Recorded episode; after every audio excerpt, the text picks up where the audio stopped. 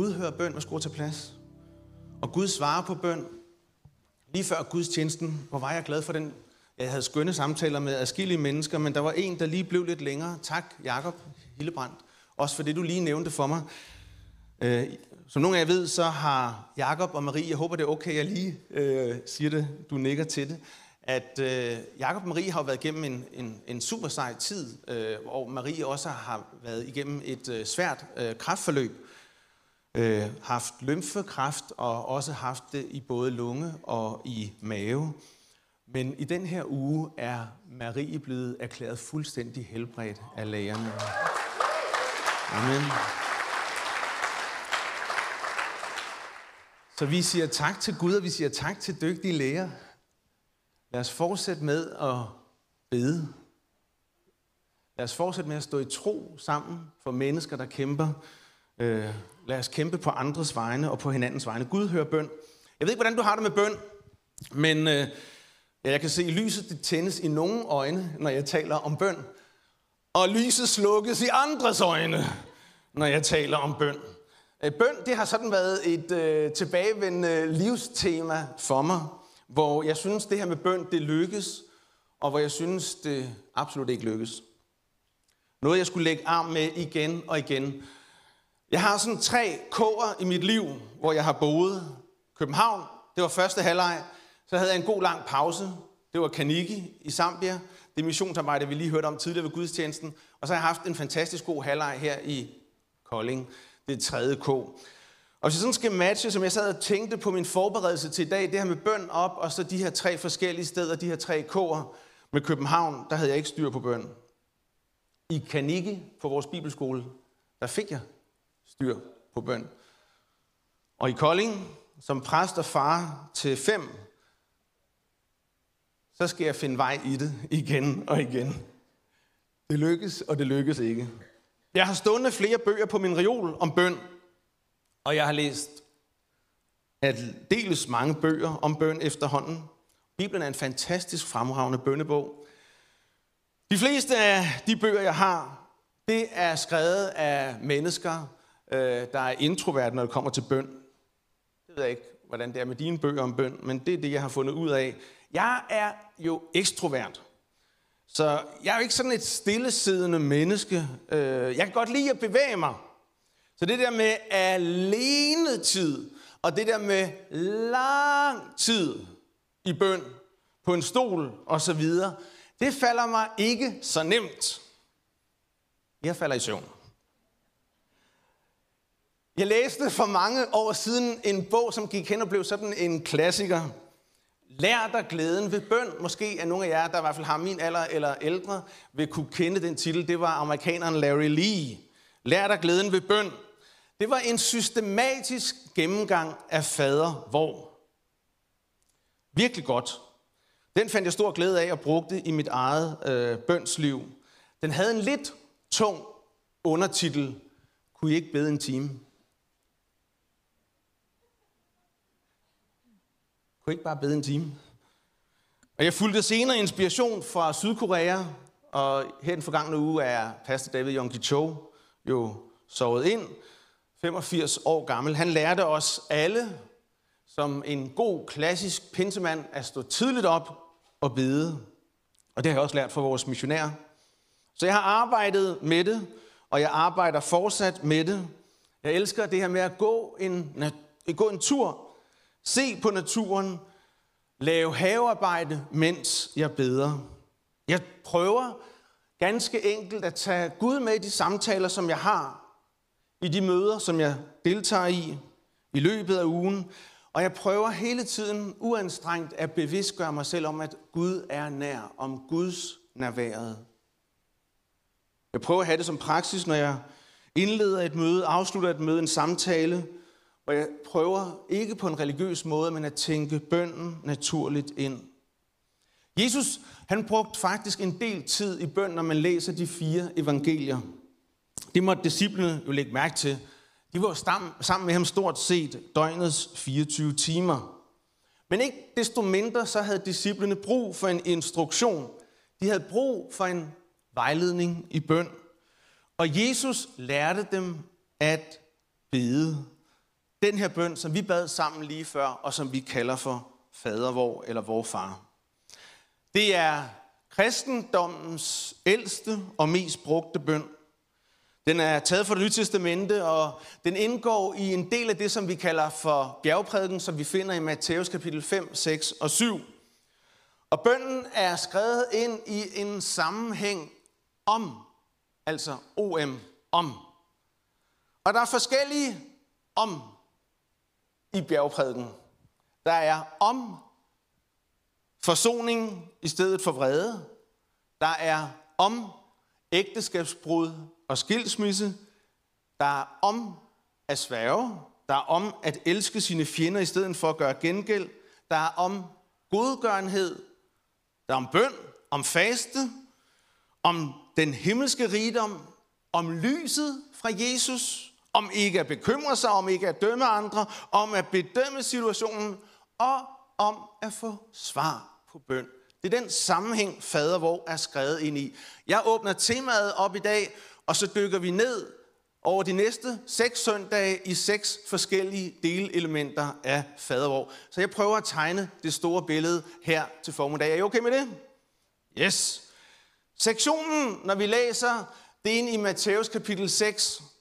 Så i Matthæus 6 i bjergprædiken der, i kapitlet, hvor vi zoomer ind på fader, hvor der er der tre gange når. Når du beder, når du faster, når du giver. Det er tre praksiser, hvis man er en disciple for Jesus, efterfølger af Jesus, som tænkes helt naturligt ind. Når du beder, når du faster, når du giver. Og det er også vores måde at tænke det ind i livet på i dag, når vi kigger på vores årsjul her i kirke i byen. Det er skrevet med anvisninger på, hvordan man beder og ikke beder, om holdningen også til og i bøn. Vi skal ikke bede selvretfærdigt. Vi skal ikke stille os op et eller andet meget synligt sted. Nej, derimod er bønnen tænkt til at være noget personligt. Finde et godt, uforstyrret sted at bede, hvor vi ikke er tilgængelige. Det er en konkret bøn, og det er samtidig en meget generel bøn. Det er en bøn, som er rigtig god at bede, hvis vi mangler ord. Det er en bøn, vi kan bede sammen, uanset hvor forskellige vi er. Det er en bøn, der forener os som kristne over hele jorden og til alle tider. Og fader, hvor udtrykker den tillid, vi kan have til Gud, at vi kan komme som børn til en forælder, vor far. Og det er måske noget af det allervigtigste, jeg gerne vil trække frem her i dag. Det er at give os Guds billede af Gud som vores far. Midt i, at han er ophøjet, midt i, at han er almægtig, at han er alle steds nærværende, at han er skaber og majestæt, den højeste suveræn, kongernes konge, så er han vores far. Og det kan da godt være lidt svært måske for nogle af os at kalde Gud for vores far. Det tog mig selv mange år, for at være helt ærlig. Fordi jeg spejlede min jordiske far, som jeg stadig har, og som jeg har en super god relation med. Han er 85 år gammel, og jeg elsker ham. Jeg har det godt med ham. Men min far, min jordiske far, er akkurat ligesom mig selv. Ikke perfekt. Der er jo noget, jeg kan savne. Der er jo noget, jeg kan ærge mig over. Der er jo noget, jeg kan irritere mig over. Der er jo noget, jeg kan blive frustreret over. Så vi bærer jo vidt forskellige faderbilleder her i lokalet af vores far, eller et billede af vores forældre, mor for den sags skyld. I mange år, der kunne jeg finde ud af at bede kære Jesus, eller herre Jesus, eller almægtig Gud, men det faldt mig ikke nemt at sige far i mine bønder. Kun når jeg bad fader hvor, far, du som er i himlen. Og når jeg tænker og spørger til, hvad for et billede vi kan have vores fader, fædre, så kan der være rigtig mange billeder, som sagt. Den autoritative far, den omsorgsfulde far, den fraværende far, den arbejdende far, den kontrollerende far, den uberegnelige far, den grænseløse far, den skrøbelige far, den overbeskyttende far, osv. osv. Jeg vil bare gerne starte med at sige til dig, at et forkrøblet gudsbillede skaber et forkrøblet menneske. Et forkrøblet gudsbillede skaber et forkrøblet menneske. Amen. Jeg vil gerne trække dig ud af en juniorseng her til morgen. Jeg vil læse det her citat for dig fra Magnus Malm i hans bog Bag billedet. Guds billede bliver som en seng, der er for kort.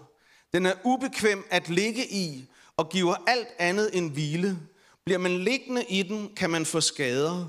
En stor del af mit liv får jo ikke plads. Jeg synes, det er så godt sagt. Kunne vi lige lave en strækkeøvelse sammen? Nu skal vi ud af juniorsengen og strække os og udfolde os og få et større billede af, hvem Gud er her til formiddag sammen. Amen. Fordi Gud er din far, han er vores far. Og vi skal lære at relatere til ham som vores himmelske far. For vi har fået barnekov i stedet for trællekov, for at bruge Paulus ord fra Galaterbrevet. Er I klar? Vi spænder sikkerhedsselen. Galaterbrevet siger det så vidunderligt, at han har løskøbt os fra at være slaver af den, det er Toran, altså loven. Og han har givet os de fulde rettigheder som Guds sande børn. Da I nu er blevet Guds børn, har Gud givet jer sin egen søns ånd. Og det er den ånd, som gør, at vi kan kalde Gud vor far. Altså er I ikke længere under slaver, men børn af Gud. Men når I børn, er I også retmæssige arvinger til alt. Til alt, hvad Gud har til sine børn. I den gamle autoriserede oversættelse, der står der, hans søns ånd i vores hjerter, og den råber Abba, far. Abba, det er det aramæiske kaldenavn for far, som understreger det her meget nære og uformelle i relationen. Det kan faktisk oversættes på den der meget nære, intime måde, far-mand. Bøn, det skal ikke bygge mure op mellem os og Gud. Bøn, det skal rive mure ned. Rive mure ned i vores tænkning. Rive mure ned i vores relation. Bøn er ikke tænkt til at skabe afstand, men tænkt til at skabe nærhed. Og derfor kan det være ret godt at tænke på Gud som sin far, som sin farmand. mand. Han er far, vi er børn. Hvis ikke vi bliver som børn, siger Jesus, kan vi slet ikke komme ind i himmeriget. For i himmeriget er vi alle børn, ligesom Jesus altid er søn af sin far. Kun Helligånden i os kan vokse ofte os ret selvsikre mennesker og virkelig give os en forståelse for barnekårets ånd. Men jeg ved også, at det, der synes så enkelt, kan nogle gange være så svært. Det her med at leve i en god, naturlig, intim relation med Gud som farmand, helt tæt og nær. Og leve som børn, der er arvinger til alt, hvad Gud har til sine børn. Det er jo lidt sjovt, at vi kalder på dansk det her det gamle testamente og det nye testamente, ikke? Et testamente, det handler om arv. Det har givet os videre. Vi skal leve i den her arv. Vi skal udfolde den arv, som Gud har til os.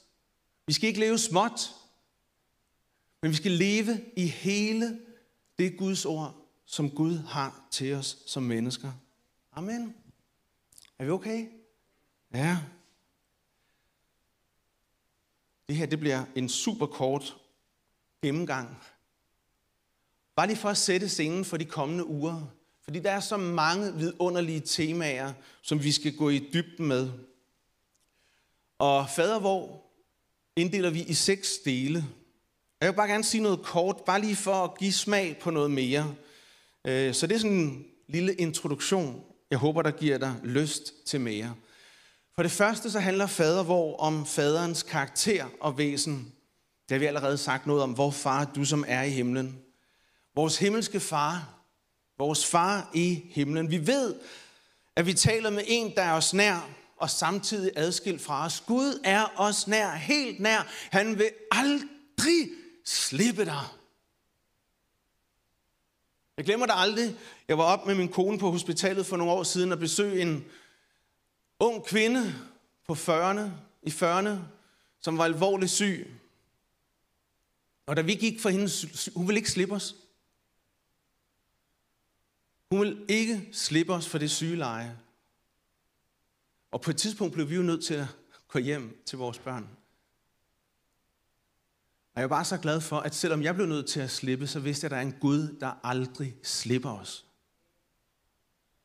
Og have det gudsbillede, at have Gud som far, mand, der aldrig slipper dig. Der aldrig forlader dig. Se, jeg er med jer alle dage. Ind til verdens ende. Det kan være svært for os som mennesker at slippe. Men Gud slipper du ikke for. Han følger dig alle dine livs dage. Amen. Og så er han, midt i, han er himmelsk far, hvor far i himlen, så er han jo også vældig Gud og evighedsfader og underfuld rådgiver, fredsfyrste, som vi læser om i Isaias 9 i beskrivelsen af Messias. Han er ophøjet majestatisk kongernes konge, almægtig, al værd. Det er, man har jo kun lyst til at tilbede, når vi taler om, hvem Gud er. Intet andet nærmer sig hans storhed. Ikke alene er han i himlen, han ejer himlen. Han har skabt den, og han er farmand, som vi kan tale med på tomands hånd. Relatere til ham og med ham helt ophøjet og helt nær, har taget bolig ved sin ånd i os som mennesker. Himmelske far, vores far. Hvis du ikke har kendt ham som farmand endnu, så vil jeg gerne lokke dig til det. Fader hvor handler om faderens karakter, og det handler om faderens rige for det andet. Kom i dit rige, ske din vilje. Det første, vi lærer om, hvem faderen er i fader, hvor er, han er kongen. Det giver ikke mening at tale om et rige uden en konge eller en dronning for den sags skyld. Nu er vi jo i Danmark. Og jeg synes, det er ret sejt, at den kristne Gud er kongen. At vide, hvem Gud er, er som sagt ret afgørende for vores relation. Jeg vil bare gerne sige til dig, hvis du ikke har helt smagt og set det endnu, Guds rige er storslået. Kongernes konge er storslået.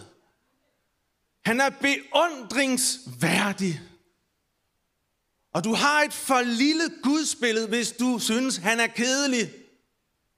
Eller et religiøst billede, hvis du synes, han er svag eller træt eller udslidt post-corona. Det er han ikke, skal jeg hilse at sige. Jeg har talt med ham her i formiddags. Han har det godt.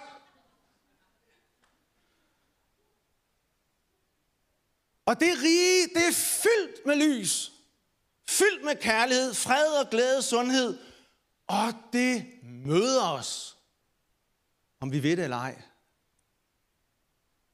fra kongen. Så vi beder om, at fremtiden må bryde ind i nutiden. Komme dit rige, komme dit kongedømme. En konges kongedømme er jo det samme som en kongens vilje. Den måde, han regerer på. Gud, noget af alt det skønne, der sker i himlen nu, må det ske i Kolding. Må det ske i vores by. Må der være mere lægedom. Må der være mere fred. Må der være mere retfærdighed. Må der være færre ulykker. Må der være færre tårer, Gud. Må der være stærke ægteskaber. Må der være god opdragelse af vores børn, Gud. Himmelske far, farmand, komme dit rige i vores by med fred og glæde. Faderens forsørgelse er det tredje, vi ser i fadervor. Faderens karakter, faderens rige, faderens forsørgelse. Og faderen sørger godt for os, giv os vores daglige brød. Vi har alle sammen behov. Jeg tror faktisk, vi er alle sammen afhængige af Gud, selvom vi måske ikke er så bevidste om det eller lever sådan. Og nogen synes endda, at Gud er en krykke i tilværelsen. Daglige brød. Men det er jo ret kortsigtet, Jesper. Ja, jeg nævnte også øh, i søndags på vores Move-konference omkring det her med, hvordan Gud sørgede godt for sit folk. Daglige manna. Frisk manna, man kunne samle ind og hente hos Gud. Og så dagen før, da der var sabbat, så skulle man lige også tage til sabbaten, fordi det var Guds dag, det var hviledagen. Men vi elsker jo at samle som mennesker. Vi er jo samlere. Vi elsker at fylde vores køleskab og vores fryser.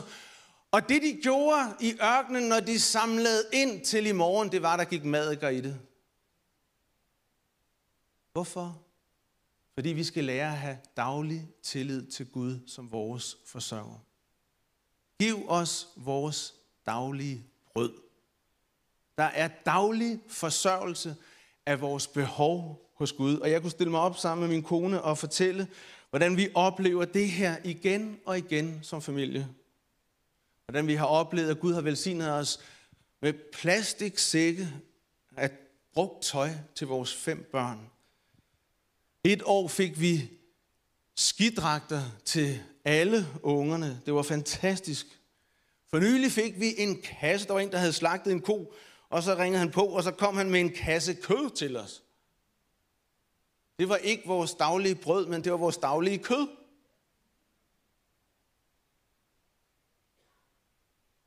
Den anden dag, jeg steg ud af bilen, hernede på en af vejene, der lå der 200 kroner i rendestenen. Tak, så tager vi det til børnene, og laver vi en hyggefest derhjemme. Gud sørger godt for os. Gud sørger godt for os. Giv os vores daglige brød. Vi har en kær ven, der hjælper os med vores bil. Det er en ældre dame, altså vores bil. Ikke min hustru. Vores bil. Så hun skal have hjælp en gang imellem. Ordsprogens bog siger det simpelthen så godt. Jeg ved ikke, om du har lyst til at bede den her bøn, så behøver du ikke at lede, bede den her bøn, men jeg synes, det er en pragtfuld bøn. Herre, jeg beder dig om to ting. To ting, som skal kendetegne mit liv. For det første, bevar mig fra falskhed og løgn. For det andet, bevar mig fra fattigdom, såvel som fra rigdom. Giv mig blot de daglige fornødenheder. Det er jo et ekko af fadervor. For det fjerde, faderens tilgivelse. Forlad os vores skyld, som også vi forlader vores skyldner. Vi ved, der er grænser for rigtigt og forkert og vi kommer til at overtræde de her grænser. Jeg tror på, at Gud har givet os et land, et territorium, og i det land er han vores forsørger. Han sørger rigtig godt for os. Det er hans karakter. Han er god. Salme 23 og vers 6 er bare et skriftsted, jeg vender tilbage til igen og igen. Din trofasthed, din godhed og trofaste noget følger mig livet igennem og jeg får lov at bo i dit hus for evigt og for altid. Er det ikke vidunderligt skriftet? Der står i en engelsk oversættelse, at her står der, følger mig livet igennem. Der står i en engelsk oversættelse, Gud chaser, han, han øh, chaser, jagter, tak. Han jagter dig med sin godhed. Han jagter dig med sin nåde. Det er da vildt, mand. Det er da så godt. Men af en eller anden grund går vi nogle gange væk fra det her land og forsøger at tage noget, der ikke er vores, og vi trænger ind på naboens land. Bare gerne sige dig her til morgen, om du er her i rummet, eller om du følger med derude. Faderens tilgivelse er uden ophør. Faderens tilgivelse er uden ophør. Den er betinget af, og afhængig af vores villighed til at tilgive andre. Forlad os vores skyld, som også vi forlader vores skyldner. Så er vi villige, er vi parate til at tilgive andre? Gud er parat til at tilgive dig. Et af de skønneste billeder, det er et velkendt billede fra det nye testamente, det er jo Guds faderhjerte i beretningen, lignelsen om det, som der hedder den fortabte søn i Lukas 15. Det er også blevet kendt som beretningen af Guds faderhjerte i forhold til sine to vidt forskellige sønner. Og her ser du en far, der tilgiver sin søn, som er parat, som går og venter på ham. Han aner ham langt derude i horisonten, og han løber ham i møde. Der står, han har sådan en medynk. Da vi lavede Move for første gang sidste år, der var jeg sådan tid, hvor jeg lavede bibelstudier over medynk. Når Gud ynkes over byer, over menneskers tilstand. På engelsk moved, blive bevæget. Og hvordan at den bevægelse, der bevæger Jesus, sætter andre mennesker i bevægelse. Her er det faderens hjerte. Guds faderhjerte, der ynkes over menneskets tilstand, hans egen søn. Han omfavner ham, og han giver ham et kys på kinden. Og sønnen siger, Åh far, jeg har svigtet både dig og Gud. Jeg fortjener ikke længere at kaldes din søn. Men faren han laver en fest. Og de her hjerteskærende ord lyder fra faren. Min søn var fortabt, men nu er han fundet. Han var død, men nu har han fået livet tilbage. Og så blev der festet. Hallo? Al grund til fest. Det er jo simpelthen kernen af evangeliet til os mennesker. Det er, hvis jeg skal bruge sidste uges tema, nådens ufortjente rytme, der rammer vores puls. Og jeg ved ikke, hvad for et billede du sidder med her til formiddag af Gud og dit farbillede af vores far.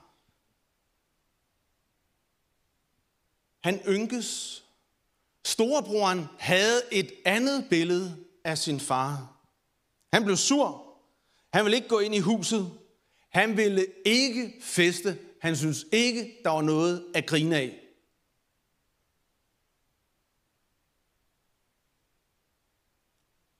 Jeg vil gerne feste. Jeg vil gerne feste sammen med jer, når et menneske kommer tilbage til Jesus. Til farmand. For genoprettet en kærlig, nåderig rytme. Faderens ledelse for det femte leder os ikke i fristelse. Indtil nu har bønden handlet om vores forhold til faderen og til mennesker omkring os. Nu skifter bønden retning. Den går ud af til vores verden med budskabet om Guds kærlighed og tilgivelse. Og hvis vi bliver ført vild af den onde fristelser, så ender vi jo i hænderne på den onde selv og kommer ultimativt til at tage del i hans ondskab. Jeg er så glad for, at Gud han siger, at han leder os uden om fristelsen, så vi ikke bliver fanget. Jesus siger et andet sted til sine disciple, viljen er god nok, men i egen kraft kan I ikke. Hvis I skal bukke under for fristelsen, hvis I ikke, undskyld, hvis I ikke skal bukke under for fristelsen, må I være vågne og bede. Være vågne og bede. Det er sagt ind i en kontekst, i en sammenhæng i Gethsemanes have, hvor disciplene falder i søvn. Det er der, hvor Jesus han siger, kan I ikke bare bede en time? Mens han beder. Og det er en ærlig beskrivelse af, hvordan Jesus har det der. Der står, at han er dødsens angst. Han er så modig. Han er urolig. Men disciplene, de falder i søvn. Nej, hvor vi kender det som mennesker. Vi kan så nemt blive lullet i søvn af alt muligt. Derfor tror jeg også på, at der er et bibelsk kald til os. Jeg oplever det som profetisk ord til os. om at vågne op. I gamle dage ville vi have kaldt det for vækkelse. Jeg tror, der er en ny vækkelse til Guds folk og til Danmark. Der er mange, der er blevet lullet i søvn under corona. Der er mange, der er blevet lullet i afstand fra deres himmelske far. Der er mange, der har fået indrettet deres liv og deres tilværelse på en sådan måde, så de er faldet i søvn. Jeg tror, der er et kærligt kald fra vores himmelske far til at møde ham igen. Han er parat. Han er så parat til at feste med dig.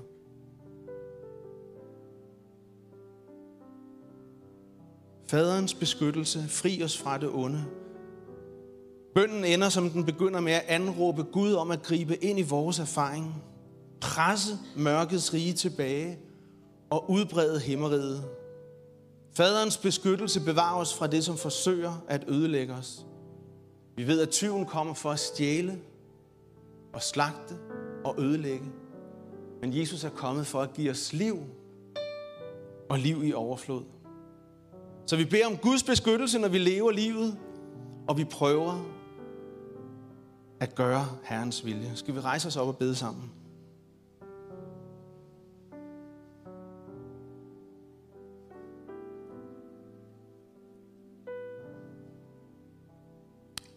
Lukker lige vores øjne et øjeblik, og lad Guds ord gå ind over vores liv, hvor det har udfordret os her til formiddag.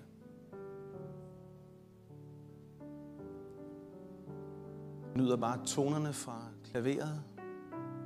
Lad dem ramme dig. Lad forkyndelsen ramme dig og møde dig som menneske lige nu.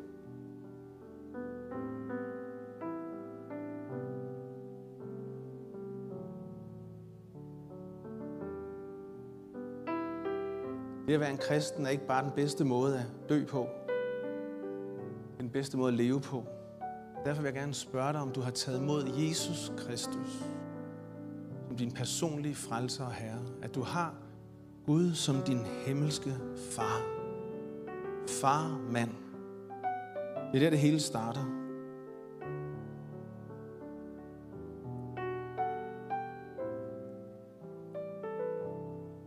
Velkommen til at løfte din hånd som gensvar på den bøn, hvis du vil det. Så skal vi bede sammen.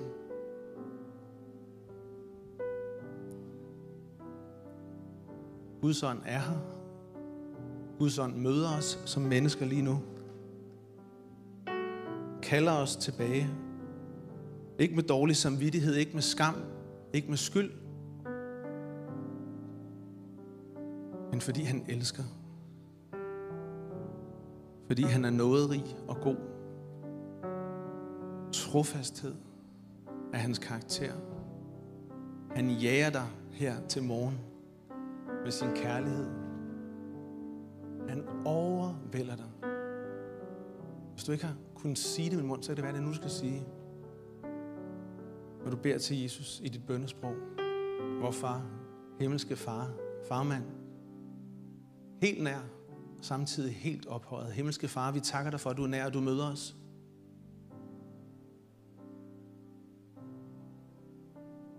Tak, at du giver os en frisk åbenbaring af, hvem du er.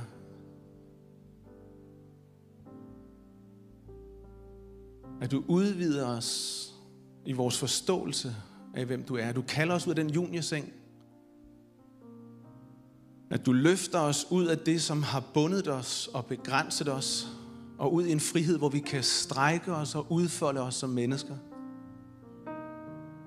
Hvor bøn ikke må være dårlig samvittighed og kedelig religiøsitet, men en livsbærende relation i hverdagen, i mødet med dig, skaber og farmand. Rør ved vores hjerter, Gud. Rør ved vores sind og vores tanker.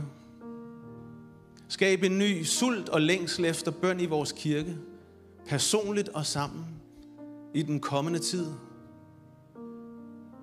Våg og bed, siger du til disciplinen, og det samme siger du til os i dag. At vi må være vågne og bedende i den her tid, at vi må forstå den her tid. Giv os øjne og se med, giv os ører at høre med. Vi er der, Gud. Kan vi tilbede Jesus Kristus sammen? Bare led os af.